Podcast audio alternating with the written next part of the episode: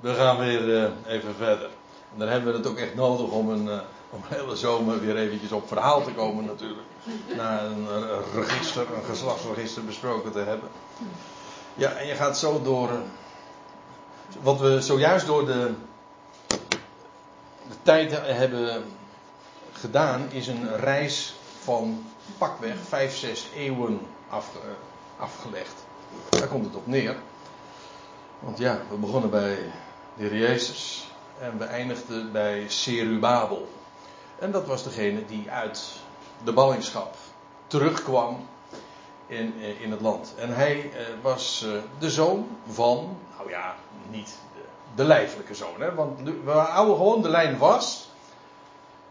Lucas representeert gewoon de lijfelijke lijn en die heeft het dus niet over erfgenaamschap, die spreekt ook niet over de zoon van. Ik denk dat het een heel belangrijk punt is, omdat dat een groot verschil ook markeert met het register van koningen in Matthäus. Want dat is eigenlijk wat Matthäus is. Als je dat eenmaal pakt, te pakken hebt, dan vallen heel veel dingen, eh, als je het mij vraagt, gewoon op zijn plek.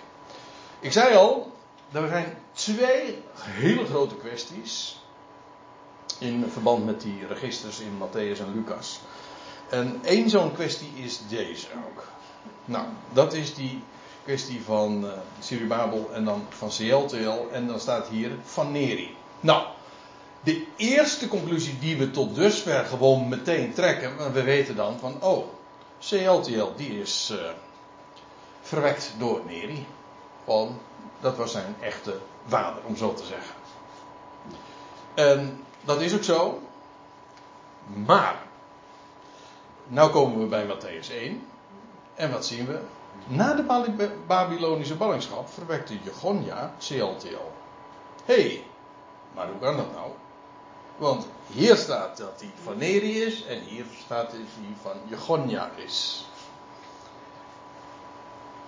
En ik zal je vertellen, we hebben hier feitelijk, de oplossing is weer identiek. Feitelijk. Trouwens, uh, in de 1 Kronieken lees je ook zoiets. Er staat de zonen van Jegonja. Uh, dat was de balling. En zijn zoon Sealtiel enzovoorts. Malkiram en Pedaya. Nou ja, en, enzovoorts. Maar het gaat er eventjes om dat hij. Uh, Sealtiel heet in Kronieken de zoon van Jegonja. Hoe kan Lucas dan zeggen van Neri? Eigenlijk, als ik zei het is de grote kwestie. Ik bedoel, het is de kwestie die altijd opspeelt. Omdat men zegt van zie je daar het verschil. Ja, het is ook een verschil. Het is alleen geen tegenstrijdigheid. Want CLTL was gewoon voortgebracht, voortgeplant nou ja, klinkt ook een beetje vreemd. Maar in ieder geval, de, hij was de, zijn echte vader, dat was uh, Neri. Alleen, ik moet erbij zeggen, die Sealtiel, hij was de zoon, de erfgenaam van Jegonja. Dat is heel wat anders. Dat is heel wat anders. Dat zijn twee verschillende dingen. En, nou ja, dus dan krijg je dit. Sealtiel was de lijfelijke nakomeling van Neri, maar de erfgenaam, oftewel de zoon van Jegonja. En nou aarzel ik eventjes om hier verder nog op in te gaan. Het punt is namelijk die Jegonja. Uh,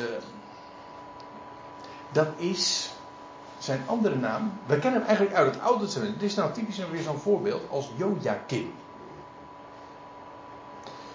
Uh, je leest over die, deze Jegonja, alleen hier heet hij jo Joachim. Uh, Joachim was 18 jaar oud toen hij koning werd. En hij regeerde drie maanden. Nou ja, en tien dagen.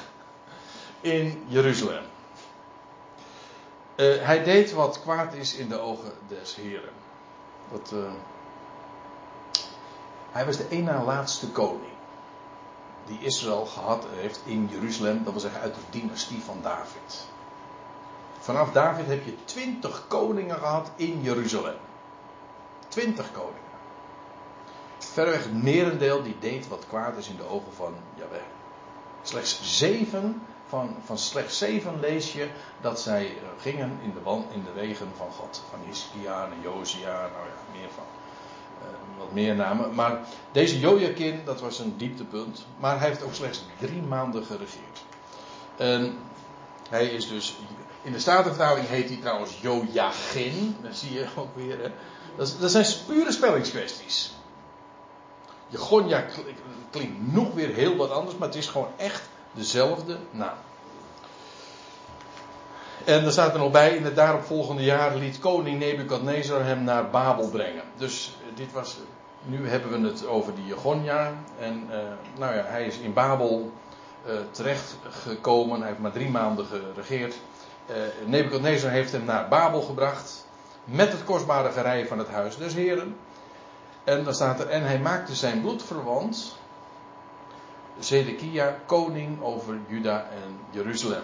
En dat, die Zedekia is de echte, de laatste koning geweest. Die heeft elf jaar geregeerd en dat was ook het definitieve einde. Toen kreeg je de echte ballingschap en toen werd Jeruzalem verwoest. Dat was in het elfde jaar van Zedekia. En uh, Nebuchadnezzar die heeft dus uh, eigenlijk die Joachim Joachim of Jegonja heeft hij zeg maar ontroond en heeft hij hem gevoerd naar Babel. En vervolgens is, het, werd uh, een soort, soort van vasalkoning van, van Nebuchadnezzar. Ja, heel eigenaardig. Want er staat er in 2 Koningen 14 daarbij. En de koning van Babel maakte Joachim's oom, Matanja, koning in zijn plaats. En hij veranderde diens naam in Sedekia. Aha.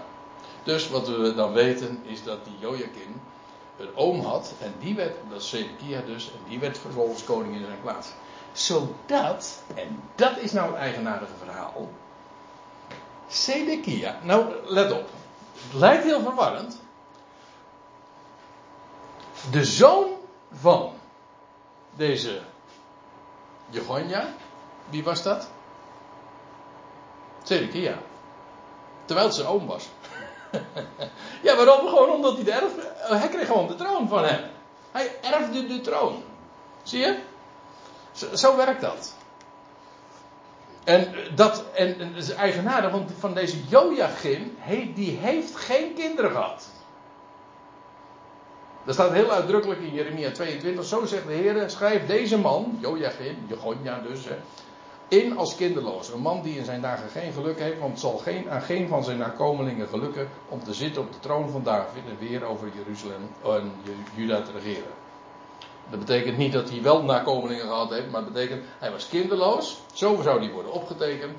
En hij zou geen nakomeling van hem uh, zou op de troon zitten. Dat is wat er staat.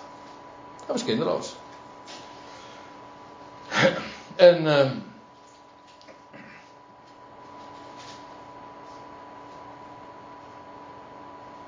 en dan krijg je het verhaal van. En maar hoe kan dat dan? Jegonja gewon.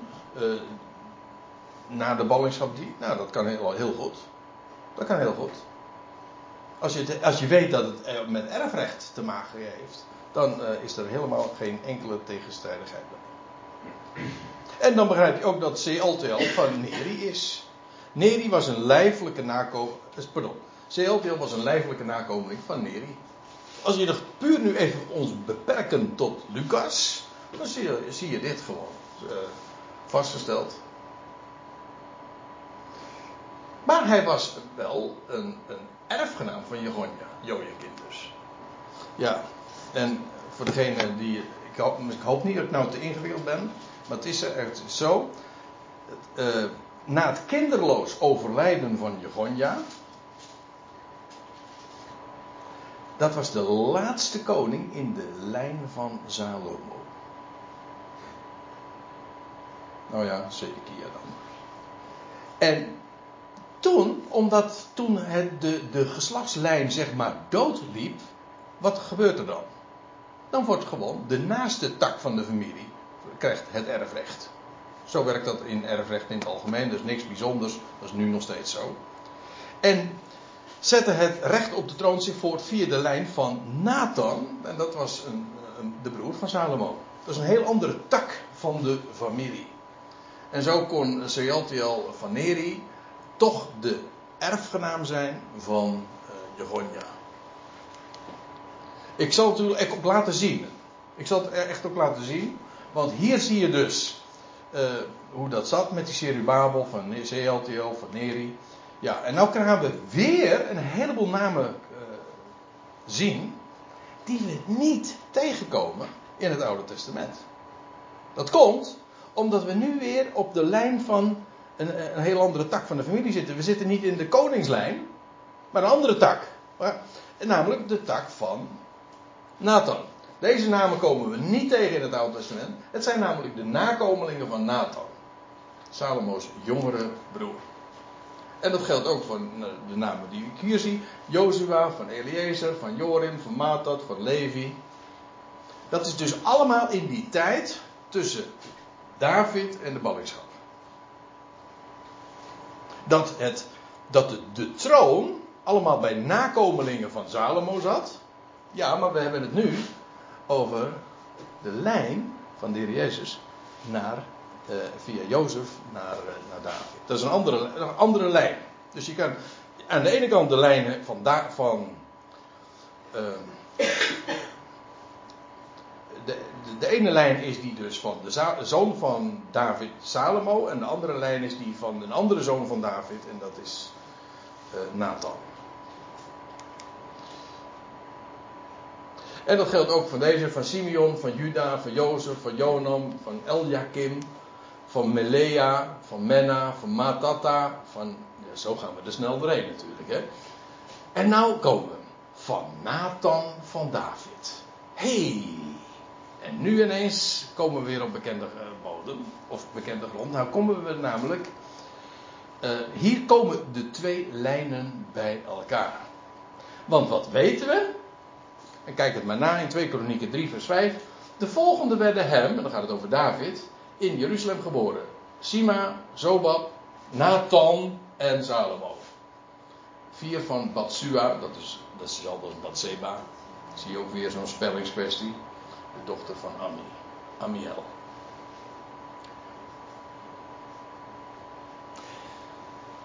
Zodat je dus en in, uh, in Matthäus en in Lucas twee lijnen komt, uh, tegenkomt die allebei terug te voeren zijn tot David. Alleen de een gaat via Nathan en de andere gaat via Salomo. De ene is de lijn van Maria en de andere is de lijn van Jozef. That's it. En deze, ja, dit is natuurlijk een hele cruciale naam van David. Ik zei al, in David komen de lijnen van Matthäus en Lucas uiteindelijk gewoon weer samen. Dat is trouwens ook met geslachtsregister altijd zo. Als je maar ver genoeg terug gaat, dan kom je uiteindelijk toch weer bij één uit. Soms moet je heel ver teruggaan.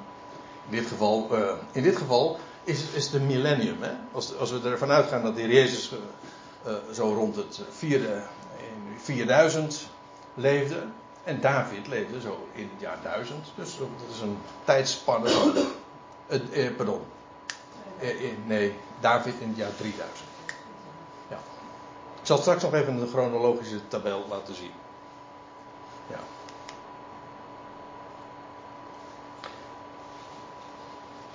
En nu is het trouwens ook interessant, want uh, nu uh, zijn we uiteindelijk uitgekomen bij David. Als je Matthäus uh, lezen, die, die vermeldt veertien schakels van Abraham dan tot David. En dat correspondeert met Lucas dus. Want nou krijgen we vervolgens David. En van wie was dat er een?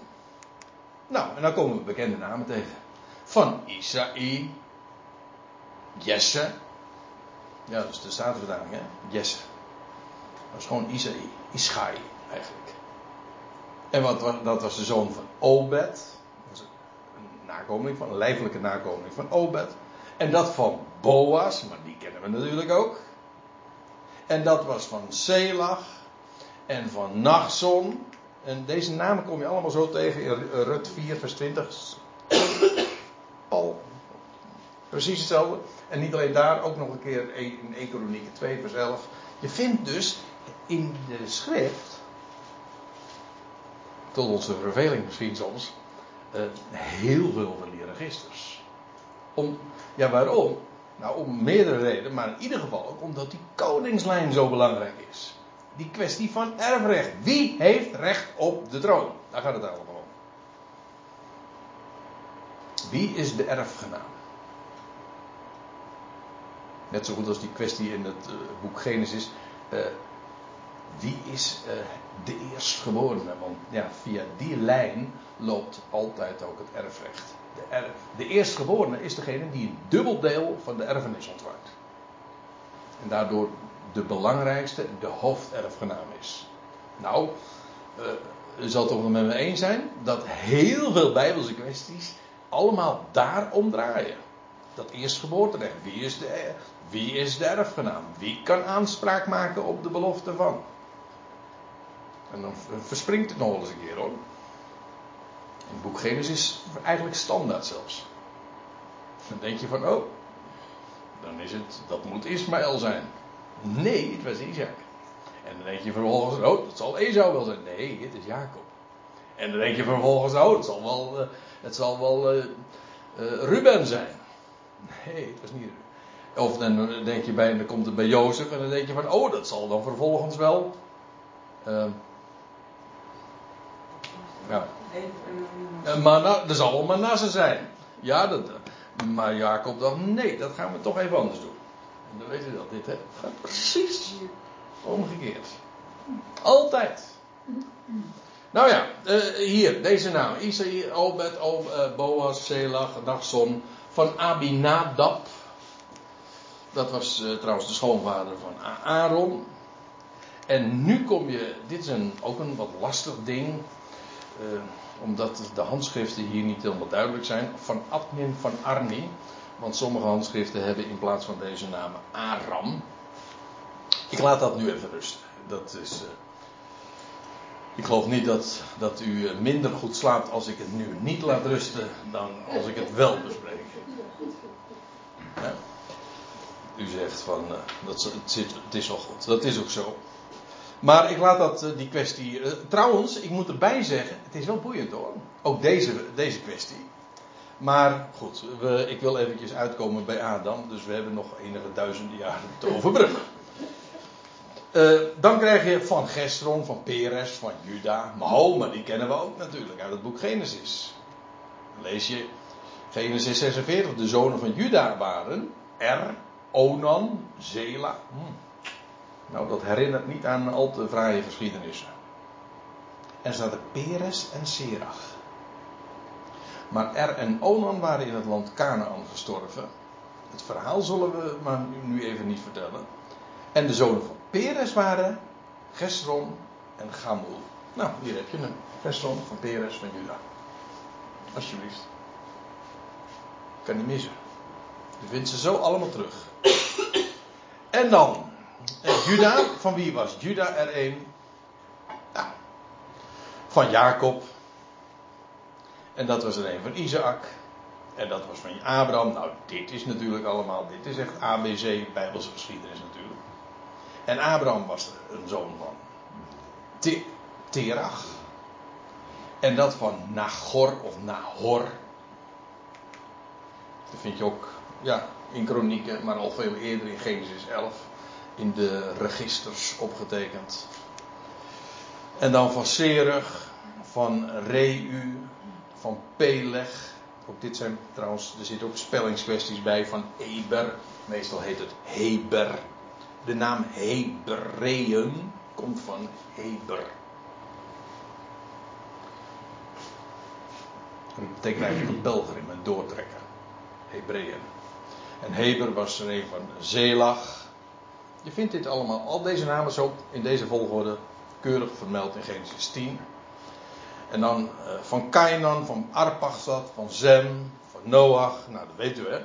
Arpachsad was een zoon van, van Sem. En dat was een zoon van Noach. En dat was weer de zoon van Lamech. De zoon van, ik bedoel ook gewoon de lijfelijke nakomeling van. Nou, zo simpel als ik het nu zeg is het nou ook weer niet. Want die Kainan, dat is ook een, lastig figuur. Waarom? We komen hem namelijk niet tegen in de Hebreeuwse Bijbel. En ik, uh, ik, ook hier zal ik eh, de details u besparen. Maar het punt is namelijk, hier staat van Arpachsad verwekte Zelach. Uh, maar hier staat dat hij van Kainan was. Hoe zit dat nou? Nou, eigenlijk, uh, je, je zou hem zelf kunnen bedenken natuurlijk. Ook hier is de kwestie van kennelijk dat uh, de Kainan de wettige vader was. Of uh, nee, pardon, Arpachsad de wettige vader van Zelig was. Dat lijkt me de meest voor de hand liggende ding. En dat hij dus verwekt is door Kainan. Verwekt is door Leiden. Maar de stiefvader, om zo te zeggen, de wettige vader, dat was uh. En zo, ja, zo gaat het toch? Dan kun je zeggen van ja, de, dat heb je tegenwoordig ook met die ingewikkelde familieverhoudingen. Uh, dat je dan zegt van ja, is dat je vader? Ja, dat is mijn vader, maar dat is ook mijn vader. Ja, zoek het dan maar uit. Hè? Ik heb twee vaders. Ja. Maar dat is hier uh, ook, uh, de, als u mij vraagt, gewoon de kwestie. De ene was de wettige vader, de andere was de biologische vader. nou, Noach was een van Lamech. En die was van Methuselah of Methusalem. En wat weten we van Methusalem? Zo oud als Methusalem. Hij is de, de recordhouder. Van alle mensen. Hij is 969 jaar geworden. Ja, u dacht dat u oud aan het worden was, hè? Nou, vergeet het maar. U komt net kijken. De leeftijden als de bomen. Net als straks in het millennium ga je dat ook weer krijgen.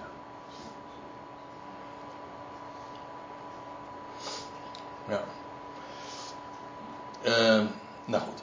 Uh, dan krijg je Henoch, Jared of Jeret, en uh, Mahalalel, en van Kenan of Kainan. Je vindt deze namen allemaal keurig vermeld in, uh, in Genesis 5. Henoch, waarvan Judas zegt, hij was de zevende van Adam af. Je kunt gewoon zo tellen. En dan krijg je Enos. We komen, we komen er wel hoor. En e- van Enos. En Enos was. Wat was er bekend van de Enos? In zijn dagen. De naam, de naam van je. En wat was het? Van de zoon van Seth. En Seth was de zoon van Adam. De plaatsvervanger. Dat wil zeggen, die werd geboren ik zeg niet dat het eens dat het de derde zoon was, want, want Adam en Eva hebben vele zonen en zonen en dochteren gehad, staat er. Maar Seth wordt genoemd nadat uh, Abel vermoord was door zijn broer. Karin. Ja, en, en zo zijn we uiteindelijk uitgekomen bij Adam. En dat is toch wel markant. Kijk, zoals je in Matthäus de Jezus de zoon van Abraham is en de alle beloften die God aan Abraham gegeven heeft, uh, komen terecht bij het zaad van Abraham, Jezus Christus. En hij, daar staat erbij, zo begint het Nieuwe Testament, hè? Matthäus 1. Jezus, het geslachtsregister van Jezus Christus, de zoon van Abraham, de zoon van David. Alsjeblieft, dat is het. Eigenlijk die hele stamboom heeft maar één echt groot doel. Natuurlijk, het is ook nog weer heel mooi gestructureerd, want dan zegt Lucas, nee, zegt Matthäus erbij, dat is drie keer veertien geslachten. Ik zal u vertellen, daar zit een geweldige diepgang in. Veertien is het getal van David namelijk. Totstandkoming van de zoon van David. Maar dat is wat het bedoelt te zeggen. De, de, de rechten op de troon van David, die horen gewoon strikt volgens de normen van het erfrecht terecht te komen bij Jezus Christus. Lucas' doelstelling is een andere. Daar gaat het niet zozeer om het feit dat de Heer Jezus de zoon van Abraham is. Maar hij gaat nog veel verder. Helemaal terug naar het begin. Hij is dus de Ben Adam, de zoon van de mens. En daarmee feitelijk ook de erfgenaam van dat wat Adam ontving. Niet alleen de troon in Jeruzalem, eigenlijk de hele aarde om, heel, om te heersen over heel de aarde. En hij is ja, feitelijk. Als we de hele tijdspannen over. Oh, ehm, als we van de ene naar de andere persoon gaan. Uh, hij is de laatste Adam. De definitieve. En dan kom je uiteindelijk dus bij God uit.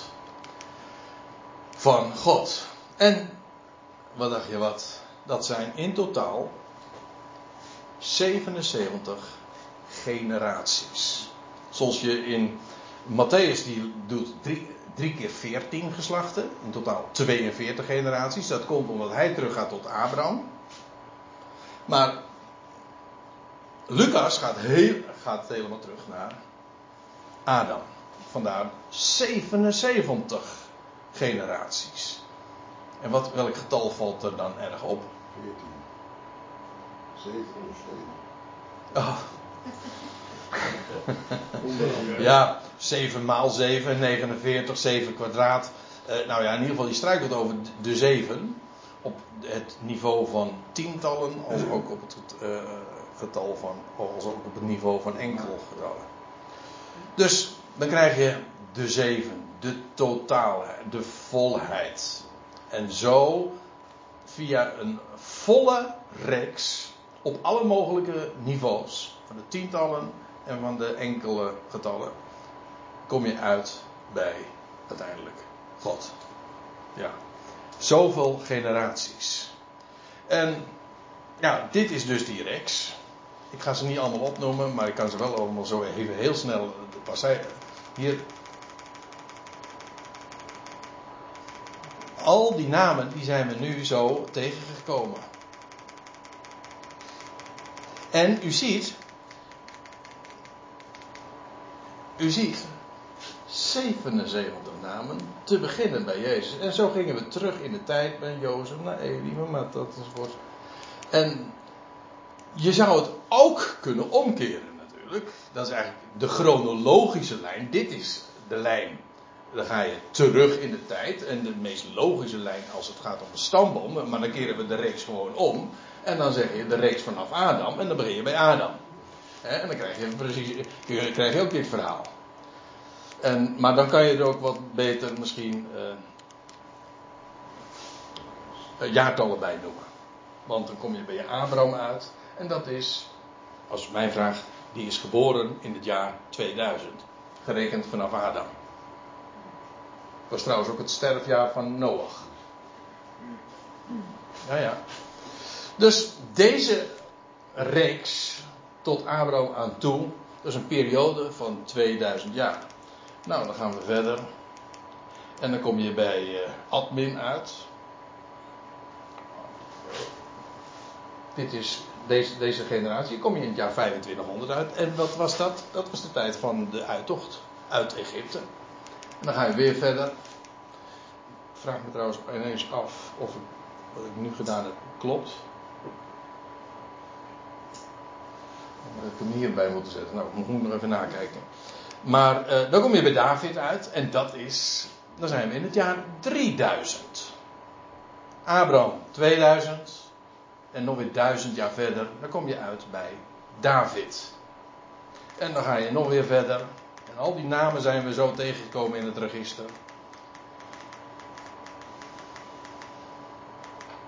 En bij de, aan het einde van de Babylonische ballingschap kom je dan uit. Uh, hier heb ik ook een fout gemaakt, dat had ik hier moeten doen.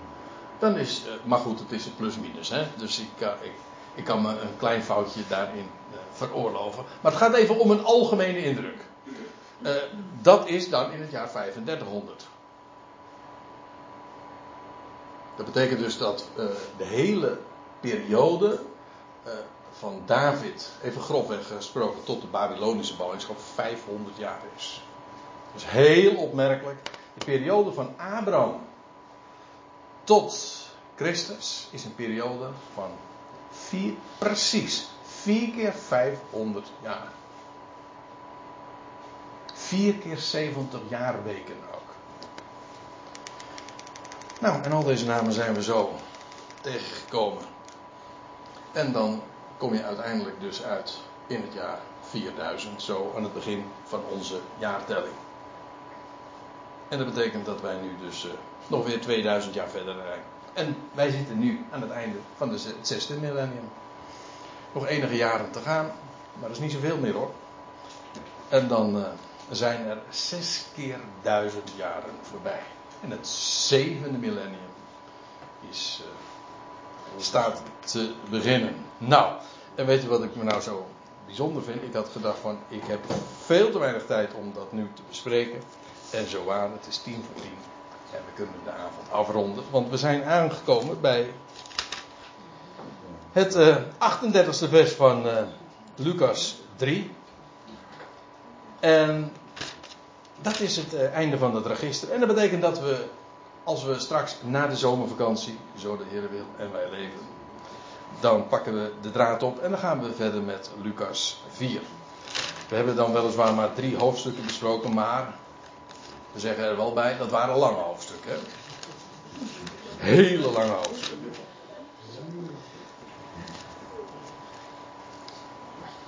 Zodat we deze hele reeks van avonden mochten afsluiten met iets. Een buitengewoon levendig register. Ja, want weet je, dat vind ik altijd wel mooi. Zo'n zo naam, zo'n register is, dat is het laatste wat ik erover wil zeggen. Zo'n register heeft dan inderdaad de reputatie zo dor en droog te zijn. Maar op het moment dat je je realiseert, ja, je hebt het over generaties. Over een hele reeks van generaties, 77 stuks. Maar wat een tijdspanne is dat niet. En allemaal mensen met hun eigen verhaal. Ja, en dat is een hele specifieke lijn die ons uiteindelijk voert bij. Nou, daar gaat het maar om. Dat is de grote zin van geslachtsregisters. Van welke snit dan ook, en of je die nou neemt uit Matthäus of uit Lucas. In beide gevallen is het een heel bijzonder verhaal. Die Joden hebben 5700, die hebben een andere telling dan zeker. Klopt, ja. Dat is. Die uh, achter, zou je zeggen. Ik ben de laatste om dat te zeggen, maar ze zitten er wel een paar eeuwen naast. Maar goed, je zou ook kunnen zeggen op een, uh, een periode van 6000 jaar valt dat mee. Nee, 200 zoveel. 215 of zo. Ja. Dat, dat heeft te maken met de berekening van de periode in Egypte. Maar laten we dat uh, eventjes uh, maar parkeren.